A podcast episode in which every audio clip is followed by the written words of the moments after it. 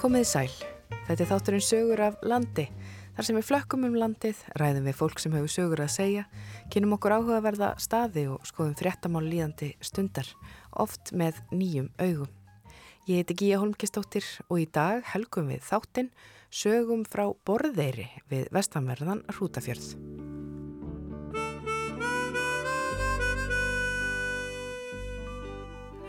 Borðeiri er eitt fámennasta þorp landsins og í dag búa þar um tíu manns.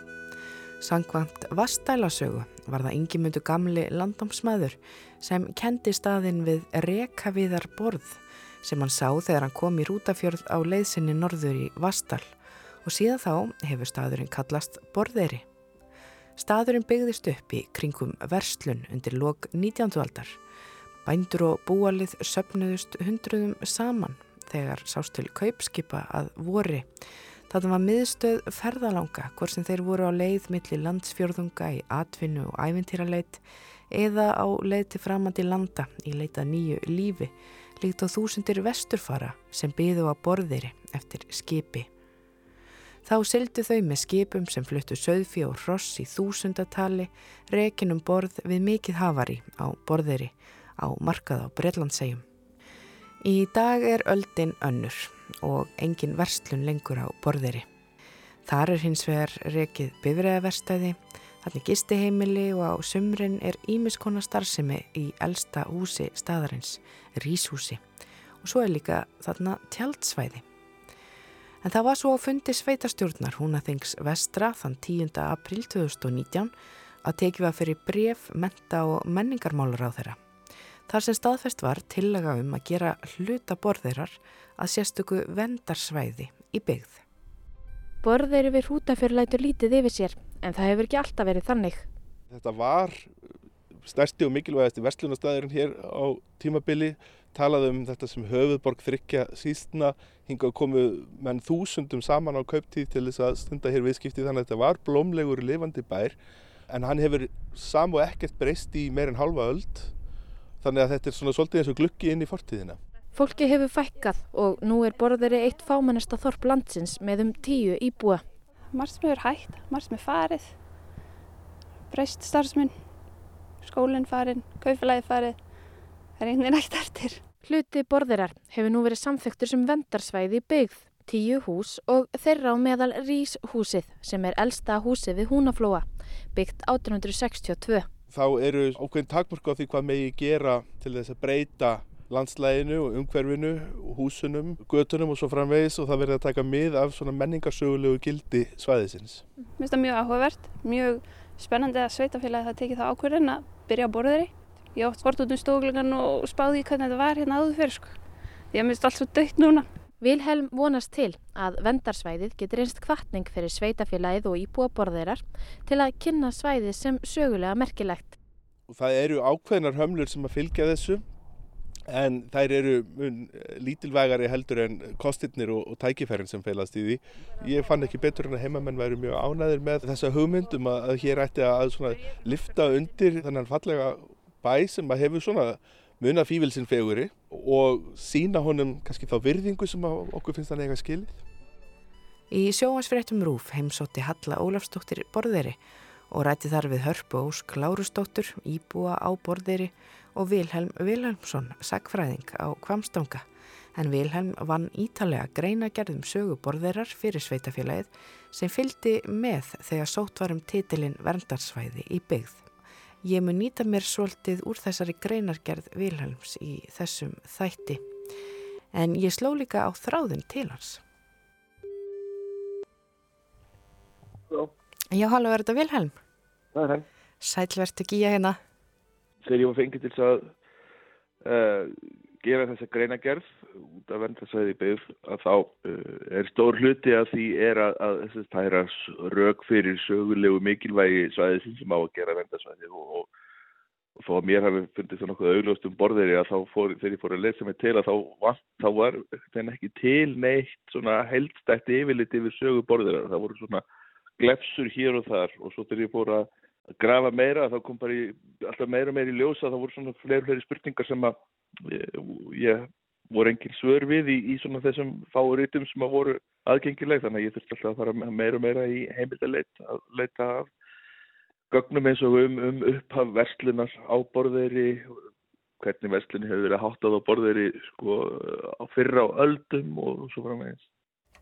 Eh, var eitthvað sérstakt sem kom þér mest á óvart þegar þú vorust að kafa svona ítalega onni í þetta? Eh, það kom mér á óvart hversu mikið umfangi var á borðeiri á svona fyrstu áratugum verslunarinnar á svona þetta setni helmingi 19. aldar og fram yfir, fram yfir 1900.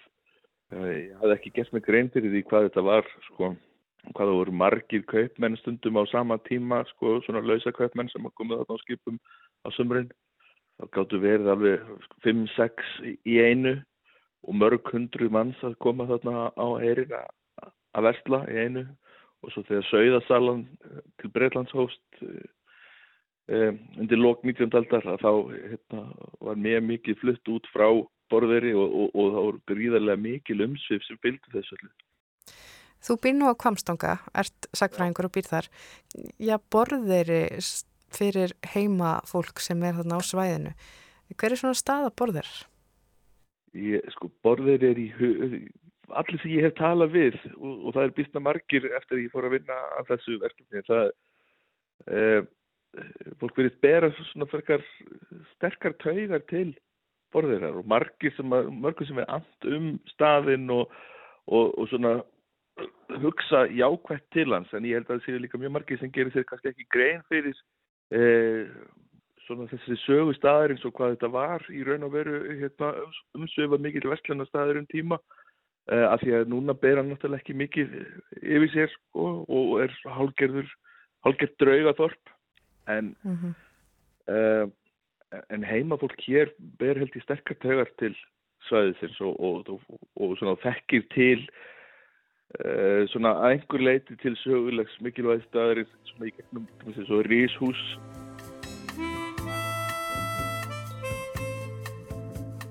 Já, ríshúsið er elsta húsið á borðeri og eitt af þeim tíu húsum sem staðsett eru á þessu svokallaða verndarsvæði í byggð. Við bræðum okkur nú í heimsokn í þetta merkilega hús.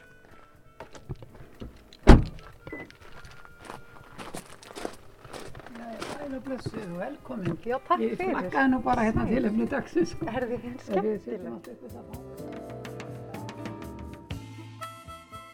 Já, ég heiti Kristín Árnandóttir og er djákni og fyrirhandi skólastjóri síðast, síðast hér á borðeri í Rútafjörð. Og þú býrð hérna á borðeri núna, þú og maðurinn og nú erum við stattar inn í elsta húsinu á borðiri. Segðu mér aðeins frá hvaða hús þetta er.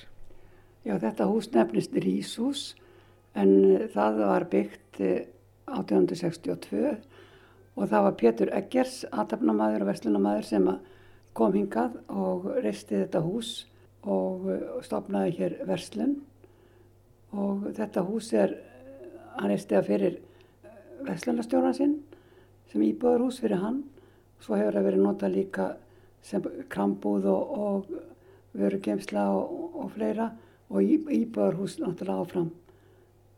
Og er elsta húsi sem er í nótkunn við húnaflóa. Fjallavarum sögu Ríshús í Landanum árið 2011. Við ætlum að líta hér aðeins inn í hið sögufræga Ríshús sem geymir stóran hluta af verslunarsögu borðeirar og þá sögu þekkja fáir betur en Georg Jón Jónsson á Kjörseyri. Heimamenn sendu áskorun til danska kansilíksins um að fá löggjöldu höfn á borðinni vegna þess að það var svo langt til vestlunarstaðar. Það var engin vestur við innanverða húnaflóa og engin vestur nær en á norður á Skagaströnd eða Kúvíkum í Reykjafyrði eða þá vestur á Snæfellsísi sem þanga var nú reyndar vestlunum sótt.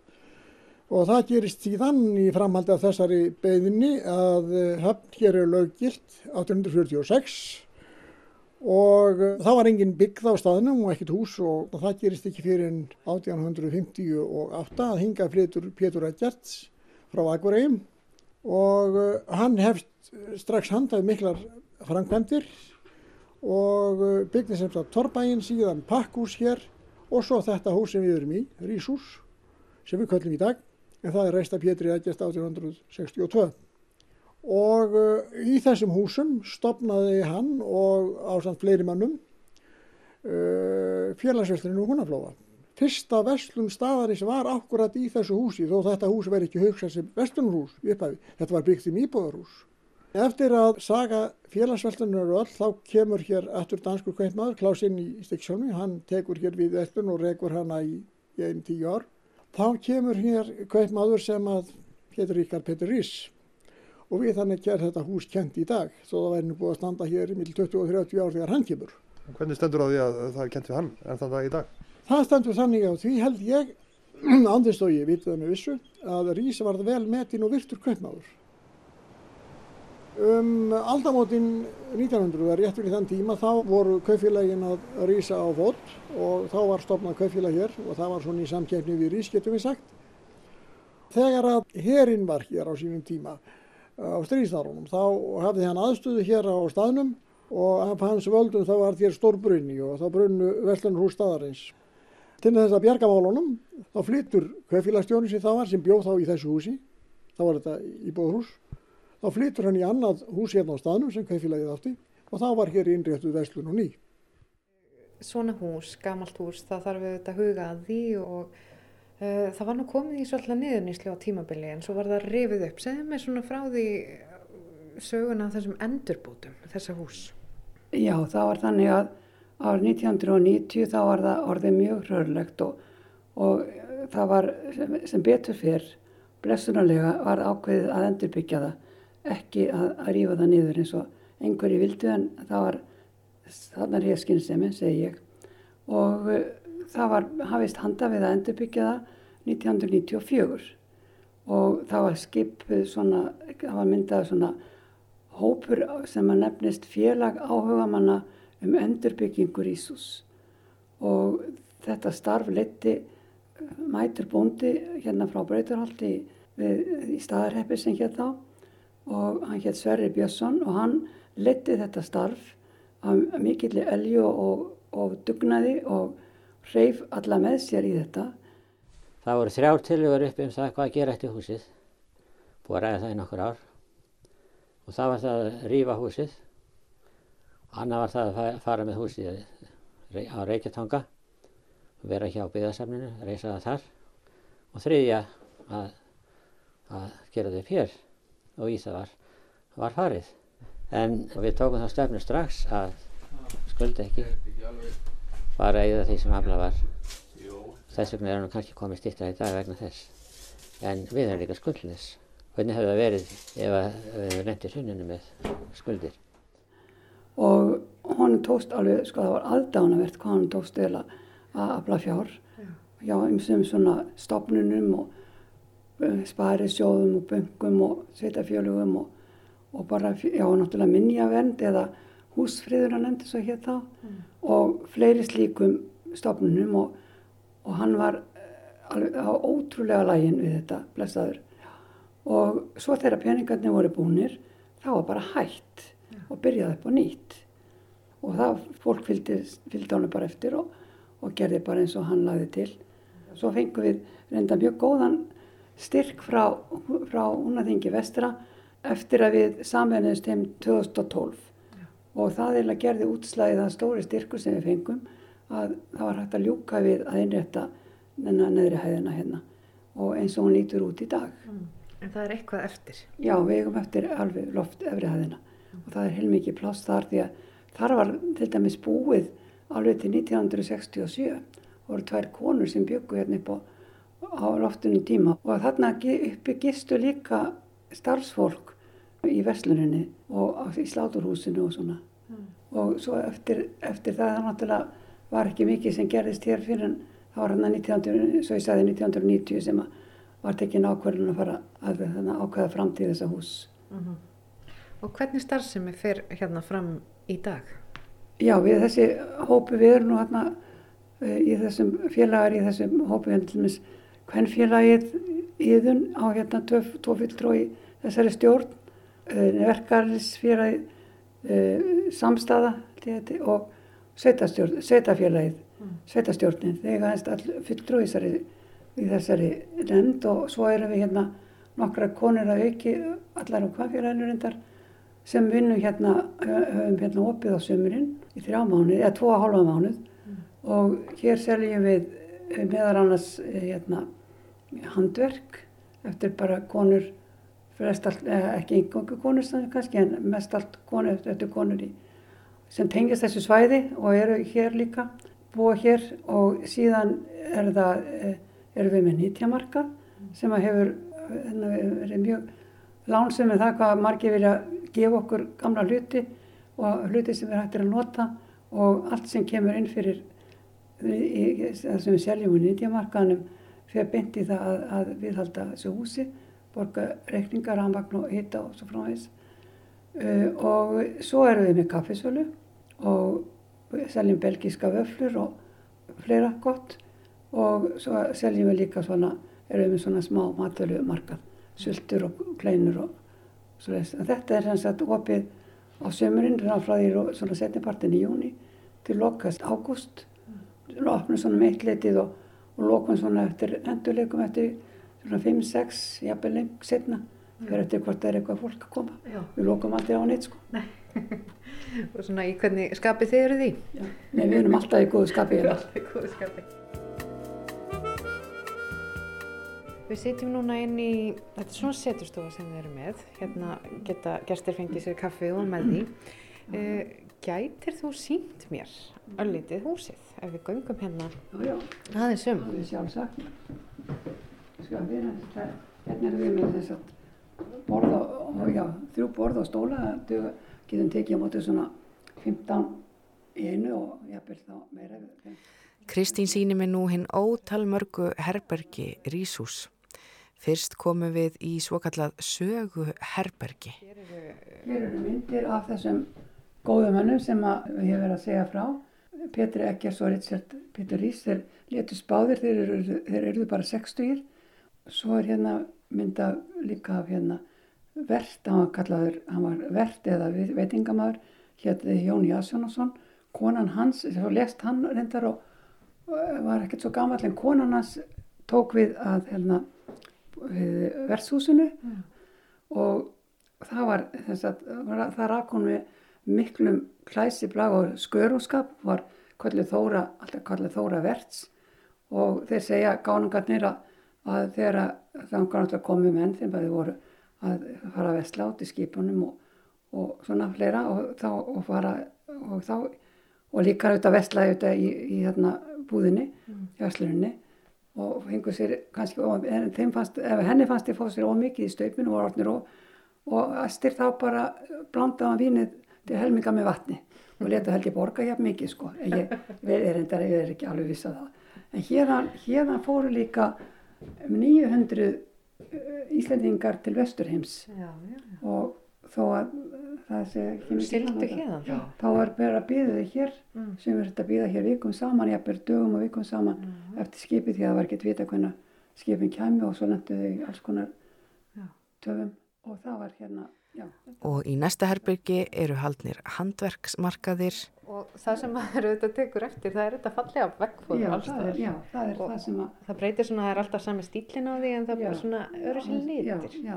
Í næsta herbyrgi er nýtjamarkaður, því næst fatamarkaður og þaðan er farið í bókaherbyggið. Er... Þetta er alveg leinir ásir þetta hús já, í stærð. Og síðan komum við hérna og þá er er, þar eru bækundar sko aðalega mm -hmm. og mjög mikið til að þeim já.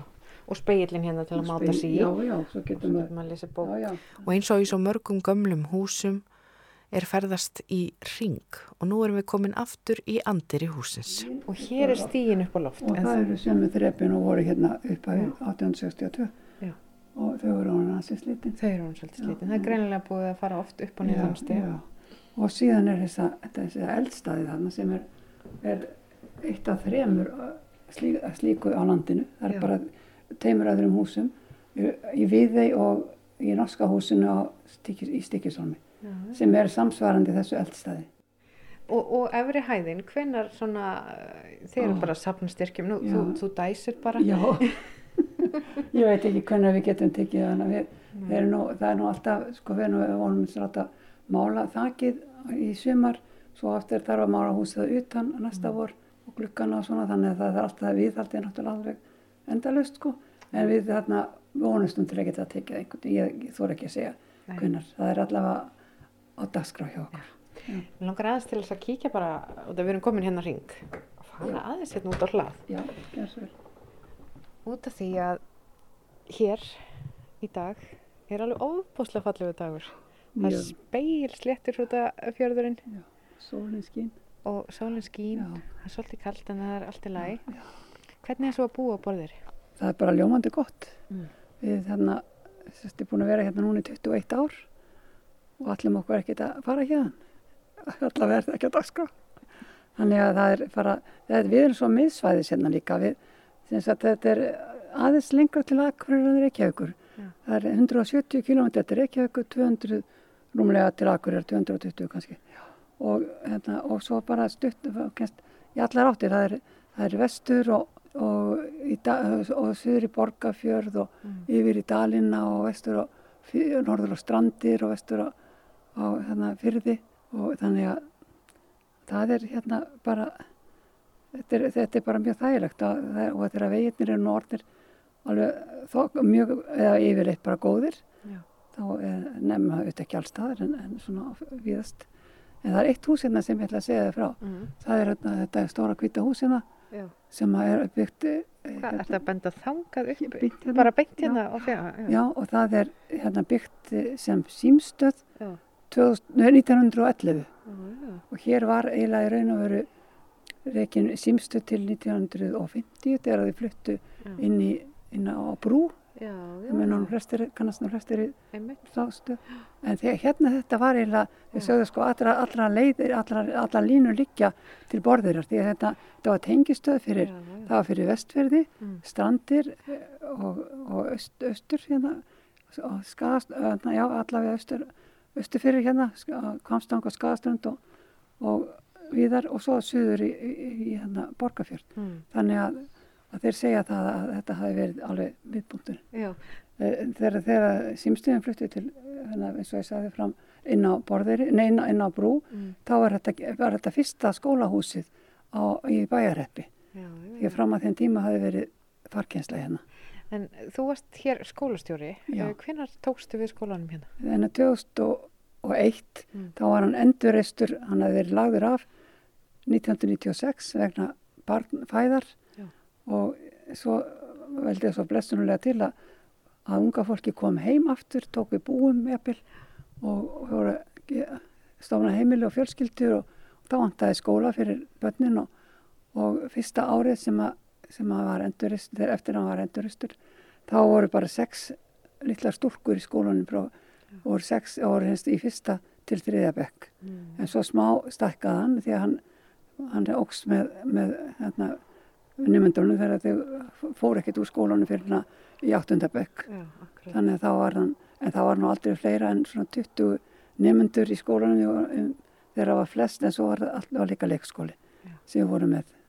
Þannig að það var, það var alltaf talsvært svona um að vera hérna hjá okkur. Hvernig var að stýra svona litlum sveitaskóla? og alveg dásanlegt. Það, það er bara hægt að hugsa sér betri aðstöður en að, en að geta sint sko, sko það er hérna uh, Jóhannes sem búin að prófa ymmislegt annað, það er kent í 1400 barnaskóla í breiðaltunu en þetta er ekkert, það er, er ekkert sem jafnast á að vera í þessari nálægð og geta haldið reyna verið utanum börnin og starfið og, hérna, og, og svona og tala ekki um hvað með, með góðum kennurum sem að ég var nú svo lán sem að hafa mjög góða kennara með mér Mm. og þá var náum við náttúrulega svo góðum árangri með svona til dælu að fá börn í hverjum, hverjum árgangi eða náttúrulega með samkenslu, eldri og yngri deilt og það er bara mjög jákvægt og gott. Samkensla er, segi ég, er bara er mjög góður kostur og það er að gagnast sko bæði þessum eldri og yngri því að þessi yngri læra alltaf að þessum eldri Mm. og hinn þau eldri þau er náttúrulega Rifja á og líka hana, og Geta bara sí, að geta aðstofað og, Já. og sínt svona til sem og kærleika. Það er pínu naburt, eigum við að fara inn og Já, klára? ekki ágætt.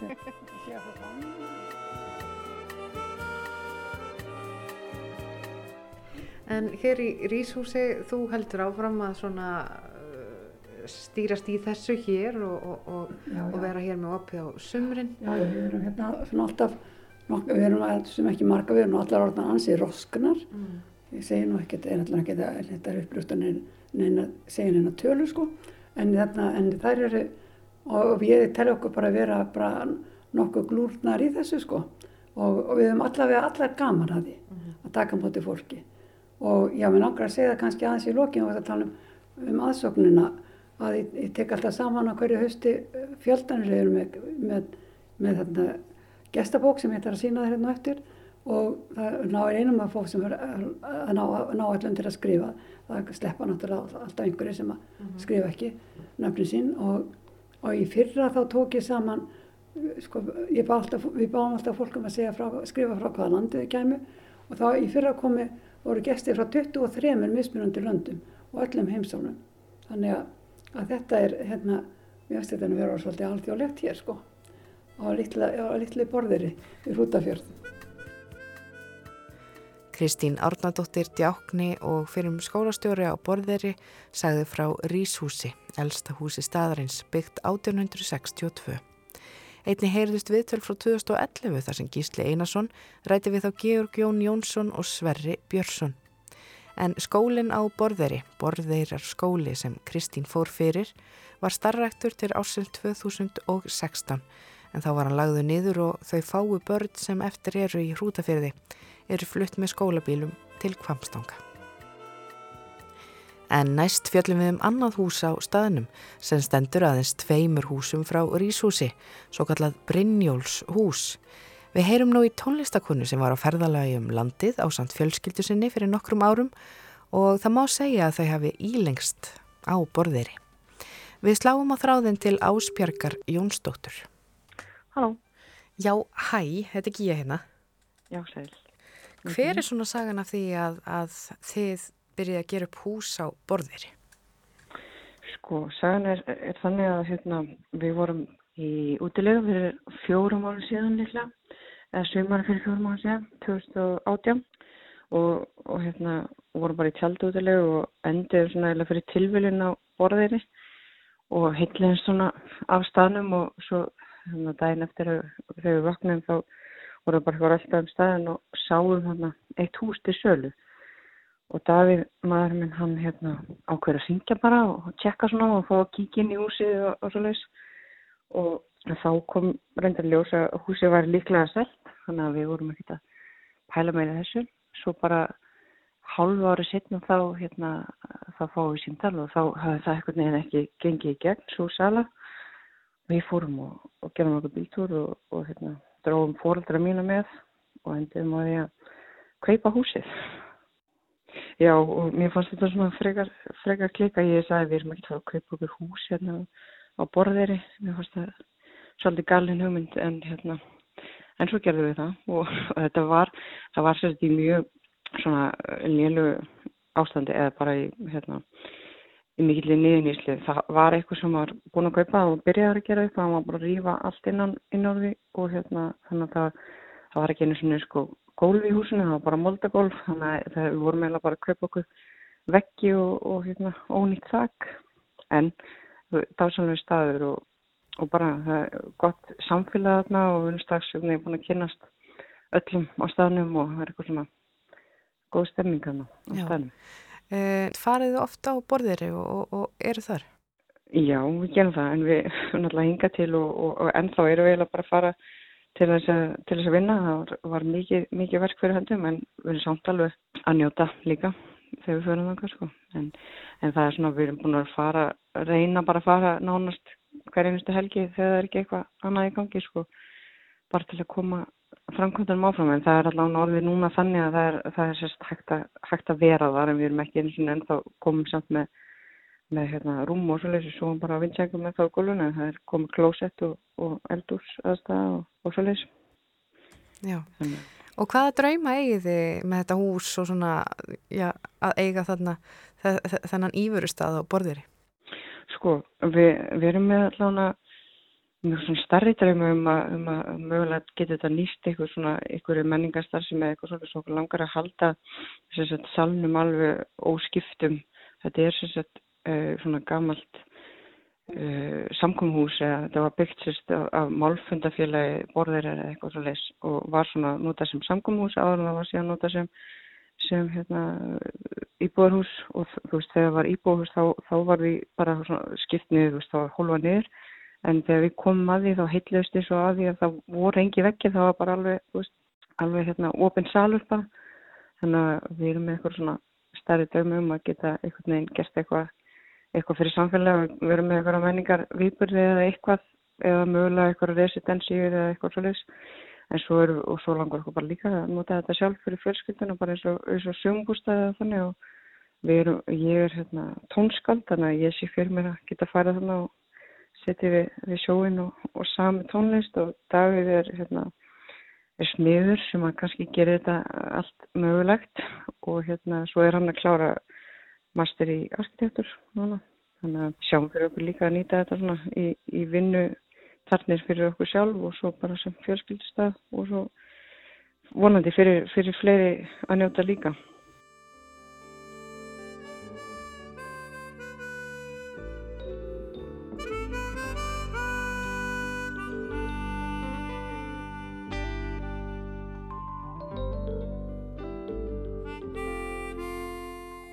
Frá einu húsi yfir í annað. Þorpið Borðeiri er staðsett á svokallum Borðeirar Tanga og á tanganum stendur hús sem kallast Tangahús og þar rekur Yngibjörg Rósa Auðunsdóttir, ferðamálafræðingur og söðfjárbóndi á bænum Kollsá og tengdamóður hennar Ástí Skuðumsdóttir gisti heimili. Við skulum slást í för með Yngibjörgu Rósu þar sem hún er á fullu að undirbúa komu nýra gesta. Hvað er þetta? Þetta er, þetta er íbúð, sér íbúð, hún sér engangi hérna að geta. Já, já, já. Vinsalasti staðurinn í húsinu, svona. Já. Já, það má segja. Og hér er, sem sagt, þetta var, þetta voru bara geimslu þegar við keftum 2004. Þá var þetta bara óeinangrað. Við bættum við norðurglökkan, þá er svo dásalegt útsýnið í norður. Þetta er bara dásamlega fallegt útsýnið og í dag er sko hrútafjörðurinn, hann er svona alveg speilsléttur er mjög oft, myndi innfættir hútsendingar segja. Auðvitað. Þegar hér bara höfum við útsinni á Strandafjöllin, norður á Kaldbak og Byrgisaukurfjall þar við næst og svo náttúrulega bara hrútei hér mm. fyrir miðin fyrði og þetta er bara eins og speil. Og hérna bara út á þessa ávölu hálsa sem er svona, svona einkennandi fyrir bæjarheppa verðstofari. Já. Já, svo sem austan líka. Já. Og hérna njóta ferðamennir að horfa og hér, hér er bara oft selir Já. Og maður kannski auðvitað það ekki mikið en það, það hérna, koma kvalir hérna líka inn. Oft á, hérna, á þessum tíma á höstin svona í svona veðrættu þá sérðu það, koma upp og blása. Þetta er bara... Þetta er bara dásalegt. Já. Og þetta er svona lítil íbúð fyrir Já. nokkra? Já, það eru sex, það eru sem sagt þrjú tveggjamanna herbyggi. Já. Og þú ert að, að núna að skiptum á rúmum og, já, og ég, gera allt tilbúið? Já, hérna, hún ástísfjöndamenn mín er búin að taka líni sem fyrir þótt í dag og, og eftir það kem ég. Fólk má vera til 11 og svo bara eiga þrifin eiga sér stað á milli 11 og 4 því þá er eftir opna fyrir innréttun. Já, eru margir að koma núna eftir? Já, það er, það er verið í öllum herbyggjum, sem sagt það er fullt hús en það er kannski ekki verið í hverju rúmi. Já. en við erum ekki að selja inn á fólk ef það eru kannski stundum panta bara tveir íbúðin og þá bara borga þeir það verð. Mm. Það er eins gott að við verum ekki lengi í viðtælinu svo þú hefur tíma til að þrýfa ég, ég er bara árið nokkuð vön og geta verið frekar fljót. Já, já, það er gott. Og hér er eldursreyting það er mikið elda Við skulum kíkja eftir út hérna, það er gullfallegu dagur þetta hús, tangahús, segðu mér nú bara aðeins svona sögu þessa hús. Já, sko, það er, uh, það er komið til ára sinna, það er byggt 1928 af Vestlunafélagi hrútfyrringar sem þá hétt og uh, svo gerist þá sá óheila atbörður að 1931 þá brennur það. Og það var hérna að völdum ólíulampa sem að lendu utan í glukkatjaldi og þetta var um vetur og erfitt um bara hérna brunavarnir. Og það eru bara útvöginni sem standa eftir, eftir brunnan og það var lítið umtryggingar og það var rosalega takk fyrir þetta litla vestlunumfélag. Þannig að frá 31 til 51 eða í 20 ár þá er það notað sem kólagemsla og en þarna um 51 þá er, var það til einhverju peningar. Og það byggti við norður hluta húsins og, og hérna en samt túist á svona vanefnum eins og okkur finnst í dag það var ekki einangrað og einfalt gler og, og svo líða hérna árin og það er ekki fyrir 1978 sem er byggt yfir söðurendan á því mm. og þá maður sér að það er svona hérna hefur verið meira vanda til vers það var tvöfald gler og einangurinn og þá fekk þetta útlitt sem það hefur í dag Já. Já, en þá var búið, búið að skipta um nafn þetta var kaufélag hútfyrringa og eftir það var aðal notkunn á því það var geimslur að hluta til fyrir kaufélag hútfyrringa og einhver tíman íbúð líka fyrir eitthvað starfsfólkinni en síðari árin áður en við kaupum sem er 2004 þá var það nota sem hérna, semst verbúð eiginlega fyrir starfsfólk sláturús kaufélagsútverðinga mm -hmm. og mötuneyti. Það var sláturús hérna eins og sagðir og þú varst nú að vinna í þessu sláturúsi. Eh, þú átt svona einhverja sögur úr, úr, úr sláturtíð. Já, ég náði tveimur haustum. Við fluttum hérna norður uh, 1993 og ég var hérna það haust og já, 93 og fjögur. Þannig, já, það var bara gaman að kynast í. Já, já, já, ég hérna, uh, var nú ekki venni að leggja mig eftir hátegi. Mér finnst það svona frekar eitthvað til er að þeim sem hefðu fæðist fyrir en ég. En hérna, það, það var síður sem ég veist ekki um að hérna, hópnum var skipt bara hérna eftir hátegismattin. Karlar löði sig á norðanverðu og konur á sunnanverðu og þú hefði bara þarna dínu og teppi og, og þetta var bara, maður bara dætt inn í þennan hérna síð heimamanna og það var bara frekar skondið. Já, já, var það ekki svona notalegt bara eftir að við hekja? Jú, jú, jú, það var það bara, það svona, já, maður var hálf hissa fyrst. Já. já, já. Og þú segir að, að karlarnir hafa lesið að norðaverðu og konundar á sunnaverðu, þá erst að tala um í tangahúsinu sjálfu sem að hérna, þú rekur gisteimiliði. Jú, já, já, já, já. Mm. Mér dreymdi ekki um það þá, þannig að þetta er þannig. En svona það bara, maður veit ekki hvað er handað með hodni. Nei, við skulum núna koma inn í hinn hlutan. Uh, söður hlutan. Hérna komum við inn á jarðhæð í aðalbyggingunni. Eru þrjá hæðir. Það eru 120 fermetra grunnflutur þannig að þetta eru ansið margi fermetrar. Hér er þess að... Þú ert með í þvottu? Já, ég hef allt með heimilslegt. Hér er baðherbyrgi með uh, störtu fyrir karla og hér er baðherbyrgi með störtu fyrir konur og við sem sagt uh, gestir hafa aðgangað þvottavél og þurkara og þeir bara nota það og skrifa fallega um það og við bara byrjum þá að Já það er svona hérna svona, Já bara svona hérna baugur og ef þeir vilja leggja eitthvað til þá gerar það en það er engin hvöð, það er bara svona vinsalega tilmæli. Já, já, já. Þetta er mjög heimilislegt. Svo eru línskápanir hérna bara fram á gangi. Já, línskápanir og við erum að útbúa skal ég segja að fyrir Við erum þetta svona nýjasta verkefni okkar. Er í vinstu. Við erum að útbúa hérna svona þvottahús, hér var bilskur og náttúrulega farin úr notkun sem slíkur en hérna eru við að undirbúa uh, þvottaðstöð fyrir húsið með yðnar vilum. Komum með þurkara og, og, og, og hérna svona erum að hérna, leggja drauga að fá okkur þvottavill, yðnar þvottavill. Þannig þá er þetta nú allt svona fljótlegra og einfaldara þvotistæmis. Já, þessar velar eru bara svona 40, cirka 40 mínútur með, með hérna 17-18 kíló, bæði þvotti og þurki. Já. Já. Eh, þið kallið þetta tangahúsið og gisteimil ykkar heitir það. Hétt það tangahúsið áður en þið tóku við það? Hvað var þetta hús kallað? Já, alltaf tangahús. Mm -hmm. við, við breytum ekki nafninu. Nei. Þetta er bara svona dregur dáma umhverfinu. Borðir að tangin hérna í austur. Já. Já. Og svo eru hæðirnar upp. Svo eru hæðirnar, já. Hér er salur sem tekur svona 35 manns í sæti. Þetta leynir á sér þetta hús í stærð. Já, já, það gerir það. Og hér er svona hot, þessum besta hérna nettsambandið er. Já. Fólk setur hérna mikið. Það eru allir hættir að spyrja hvort það eru heiti pottar eins og var alltaf fyrstu árin. Það er bara spurt, er, eða mest spurt er mm. gott nettsamband. Já. margir kannski að vinna bara á meðan þeir eru að ferðast. Já, algjörlega og bara bóka næstu gestingu og skoða veður og færð. Já. Þetta er alveg bráðinnisilegt. Og hér er líka þessi norður, þetta norður útsýni. Já, já, þetta er bara dásanlega dagar. Ser maður yfir á bæinn þinn hérna, Kollsá? Já, maður gerir það. Þú, hérna, hann kúrir þarna, það sem svona húsaþyrbyggin er. Þarna, já. Já, það er hérna svolítið marga byggingar, þá sé ekki margt fólk hérna lengur, en það, hérna, það var tvibili. Og svo eru nokkur sömbústæðir hérna líka, þannig að, og, og fólk er bara að nota það mikið. Hvernig búskap eru þið með á Kollsá? Við erum með engungu söðfjö.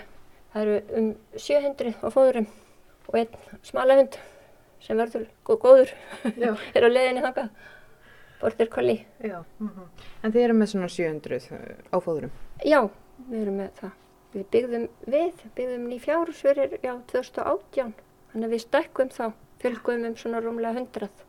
Þannig að hérna, þetta er bara svona bara passlegt mm -hmm. fyrir okkur. Og eru flestir með fjö eða, eða hvernig búskapur er svona aðlega þetta? Já, það er alveg, það er, það er hlaðhamar, það er eini bærin orðið eftir sem er með kúabúskap. En það er bara ekki myndalegt kúabú með róbótum og, og hérna, en aðrir eru í söðja.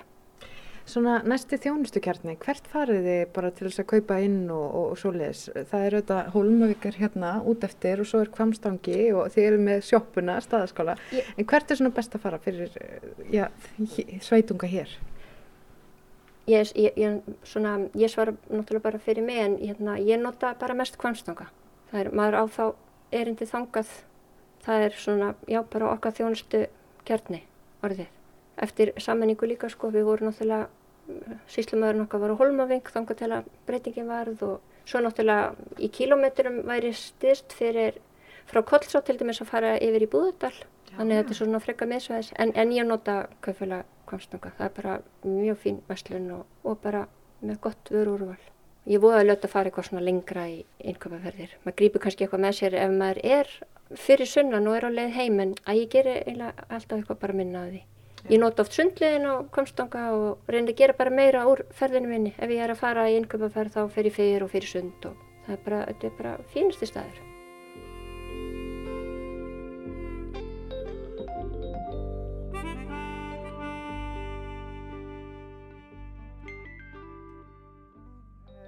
Sko, maður sér alveg hvað þið hafið sko gert mikið af svona, eins og hér stöndum við fyrir fram að það eru tveir svona gamli stólar, um, búið að panil, svona klæða veggin, það er allt orðið svolítið svona notalegt hérna. Já, við höfum svolítið, húsið var svona frekar kallt. Já. Já, það var svona ljósblár litur ríkjandi og, og svona, svona, já það var svolítið svona kuldalegt.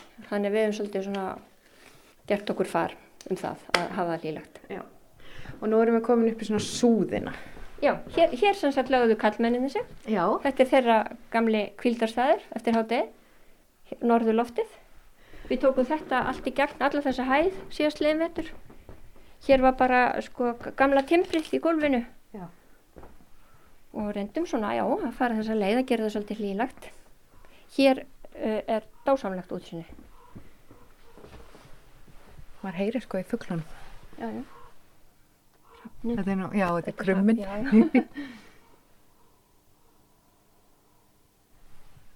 Svo er hérna... Og hér bara, og það getur orðið þess vegna í kvöld, það er bara, það er frábær hérna aðstæðina til norrljósa skoðunar. Já. Og sérstaklega í þessu herbyggja. Fólk er skrifar um það gerstabákinu, það er ekki trúið, það siti bara hér við gluggan, Já. langt fram á nætur. Og norðurljósin, þetta er nú það sem að fólk er svo mikið að leitast eftir. Já, alveg mjög, mjög mikið. Það er lundin og norrljósin. Já. Við skulum færa okkur yfir í söður hérna súðina. Þar væntalega lagðir þú þig þarna Já, í, fleiri góðum konum. Já, samt fleiri góðum.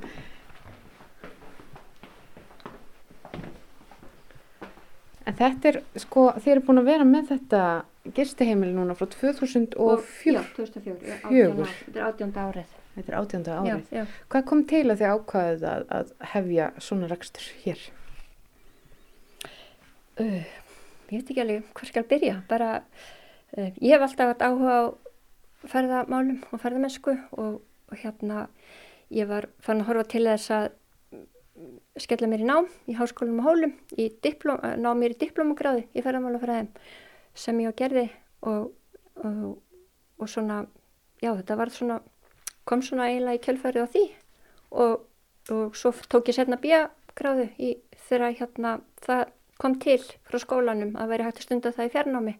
Þá tók ég bíja í ferðarmálafræði og kláraði það 2014 já, þannig að já, ég bara hef alltaf áhuga ferðarmálum og, og hérna tengdamamma mín bara var mjög tilbúin að að hérna skoða þessa hugmynd og taka hann áfram með mér og okkur Við skulum koma aftur út. Já.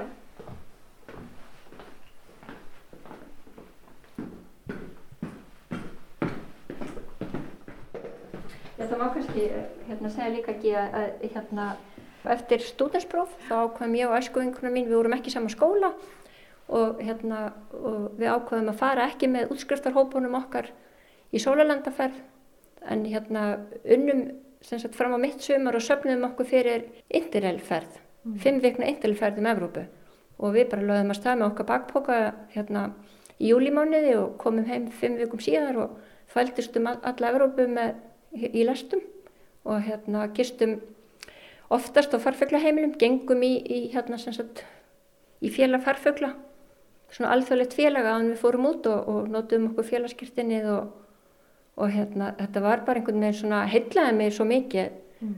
þetta farfuglaheimilis uh, kerfi og það var líka svona hugmynd sem ég hafði um þetta mm. að þú veist maður geti komið hérna inn og það veri heimilislegt, notalegt líka svona ákveðin sjálfstjónusta verðinu væri stilt í hófa því að þú legðir til líka og, og, hérna, og það veri hægt að elda og verið með hugulega setjustofu og haft þetta samniti við aðra gesti sem að okkur fann svo frábært í okkar ferð. Þegar við fengum oft uh, frá, eftir bara spjalla kvöldinu, við vorum kannski með einhver ferðarplön daginn eftir eða þannast að dag, en svo kannski eftir bara spjalla kvöldi í þessu sameilega rými við aðra gesti farfaglaheimilisins, þá voru við kannski bara búin að fá einhverja frábæra hugmynd frá þeim upp í hendunar og stundum sko slóðust við för með einhverjum eða einhver með okkur, þannig að þetta var bara ótrúlega hérna gefandi og skemmtilegt ferðalag sem já, stóði yfir í fimm vikur. Já. Já.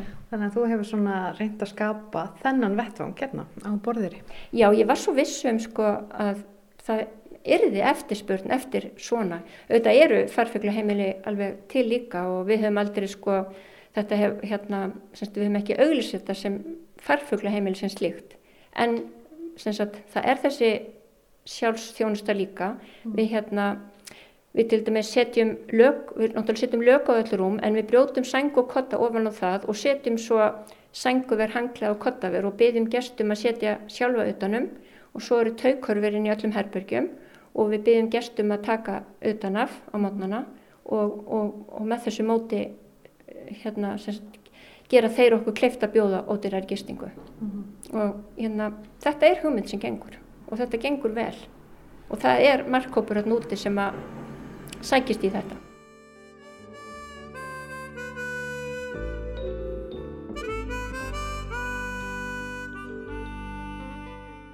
Skulum koma aftur út í góðu veðrið. Mér finnst þetta svo indislegt veður núna hérna.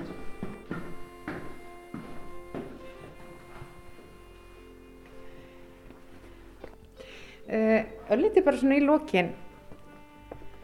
Nú ertu búin að reka og þú og tengdamammaðinn þetta hús, gistæmilegt tangahús á borðir í 18 ár. Já. Hverjir eru svona draumatnir fyrir framtíðina? Uh, já, maður, það er stort að spurt. Mm. Uh, Það er svo gaman að spyrja stórt. Já, já. sko, núna það sem, svona, það sem er á dasgrunn hjá okkur núna er að klára koma þessu þóttáhusi í gagnið og yfirna þóttáhusi og, og hérna, og það verði allt svona auðvild okkur margt því að hérna eins og er núna þá sko keirum við mestalli líninu í laugarhóll þar sem Ásti spýr og hún færða þar þannig að þetta er svona svolítið burður mm. og fluttningur á því fram og tilbaka.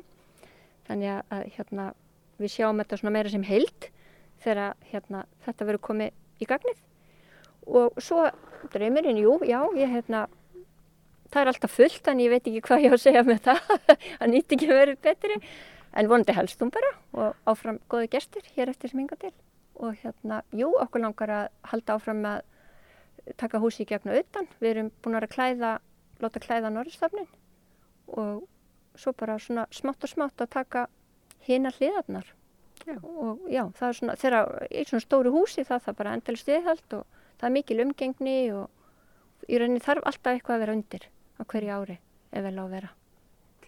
Eh, takk fyrir að taka á mótið mér og sína mér eh, tangahúsið hér á borðiri og, og gangi ykkur sem allra best. Já, kæra þakk ekki, já, fyrir komina. Frábært að fá þig og ekki skemmin út af veðu fyrir okkur.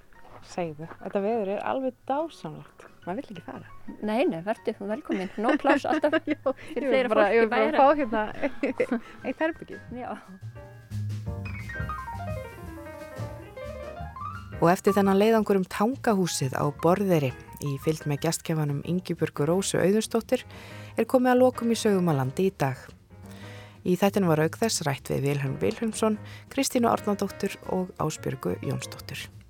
Við minnum á að þennan þátt og eldri sögur að landi má finna í spilara Rúf og öðrum hlaðvarpsveitum. Við þakkum þeim sem hlýttu. Livið heil!